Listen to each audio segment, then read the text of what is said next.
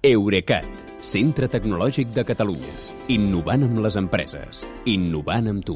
Albert Cuesta, bona nit. Bona nit, Kilian.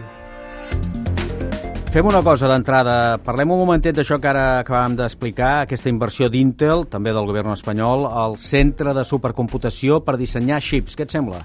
Uh, doncs uh, jo trobo que és molt bona notícia que aquests 300 enginyers vinguin a Catalunya en comptes d'anar, com la fàbrica de bateries aquella, a València, on, per cert, hi ha una indústria de xips que és força interessant.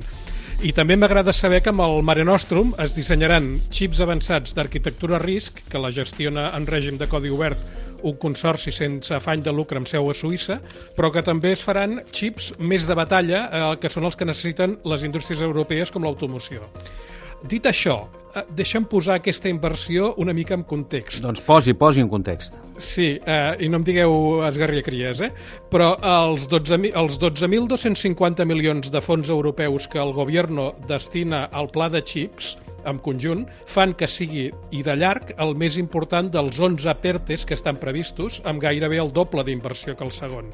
Ara bé, aquests 200 milions públics que parlàveu abans i que vindran aquí són menys del 20% del pressupost que el pla preveu en recerca, que no arriba al 10% del total del PERTE de xips perquè el gruix d'aquest PERTE són els 9.350 milions que estan reservats per construir una o més fàbriques de xips a l'Estat i que són els que Pedro Sánchez està fent servir aquesta setmana a Davos per temptar els presidents de Qualcomm, Micron, Cisco i Intel. Uh, I una Intel, que ja que en parlem i per comparar, és qui aportarà els altres 200 milions pel nou centre de Barcelona, però que ja ha compromès 17.000 milions amb dues fàbriques de xips noves a Alemanya i 12.000 milions més per ampliar la que ja té Irlanda. Clar, comparades les xifres, eh, no tenen res a veure unes amb les altres, eh? Són bastant amb, més amb, gruixudes. amb, el, eh? amb el conjunt, les altres són més gruixudes, però sí, en qualsevol cas, eh, està bé. De tota manera, és una inversió benvinguda, sempre ho és, eh, pel I país, tant. però encara pendents d'on acabarà caient el gruix dels diners d'Europa. Eh, si et sembla, fem una cosa mentre esperem la caiguda d'aquesta pluja de diners eh, Sí. i que ens mulli tant com vulgui aquesta. I anem tant. a una altra cosa, que és una efemèride d'avui. Que és allò que deies dels 4 anys que va entrar en vigor el Reglament General de Protecció de Dades. Una norma que en aquest temps ha canviat tant el funcionament d'internet com l'ús que li donem als ciutadans europeus. Eh, crec que val la pena recordar que el, aquest RGPD, que són les sigles, eh, el que fa és posar límit a l'explotació que les empreses i les, i les institucions fan de les nostres dades personals. Per resumir-ho, ens han de demanar només les dades que necessitin per donar-nos el servei que ens ofereixen, no les han d'aprofitar per altres funcions, ni les han de cedir a altres entitats, i les han de conservar de manera segura i només el temps que sigui estrictament necessari. Eh, Els 99 articles del reglament, que ja són articles, també defineixen quines dades són personals, i això inclou tant les explícites, les que donem perquè ens les demanen, el nom, el cognom i tot això, però també les implícites, per exemple, l'adreça IP o bé les cookies que l'aplicació ens posa a l'ordinador o al mòbil. Correcte, doncs això és el que hauria d'estar funcionant. Està Mhm. funcionant...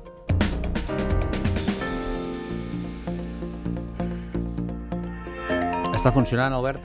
En general, sí. Aviam, les empreses d'internet eh, han vist molt limitat el seu negoci basat estrictament en explotar les nostres dades. Però la veritat és que això de que la vigilància del, del compliment eh, estigui delegada amb les autoritats de protecció del, de dades dels estats on els gegants digitals tenen les seus europees, que són Luxemburg, bàsicament, Holanda i Irlanda, ha fet que aquest seguiment no sigui tan estricte com caldria, fins al punt que gairebé la meitat de les demandes per infracció del reglament encara s'han de jutjar i les multes acumulades en aquests 4 anys sumin menys de 1.600 milions d'euros. I francament jo trobo que encara està per comprovar què fan els intermediaris internacionals de dades personals amb la informació que ja tenien acumulada sobre nosaltres. Mm. Eh, per tant, valoració positiva?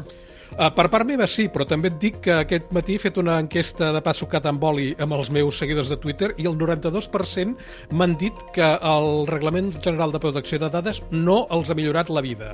És clar que jo amb això eh, responc que potser molta gent té el dit massa ràpid a l'hora d'acceptar la lletra menuda quan entra en una pàgina o una aplicació.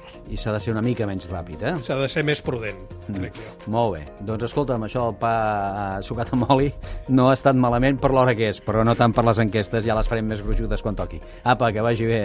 Bona nit, Kilian. Fins demà. Eurecat, Centre Tecnològic de Catalunya. Innovant amb les empreses. Innovant amb tu.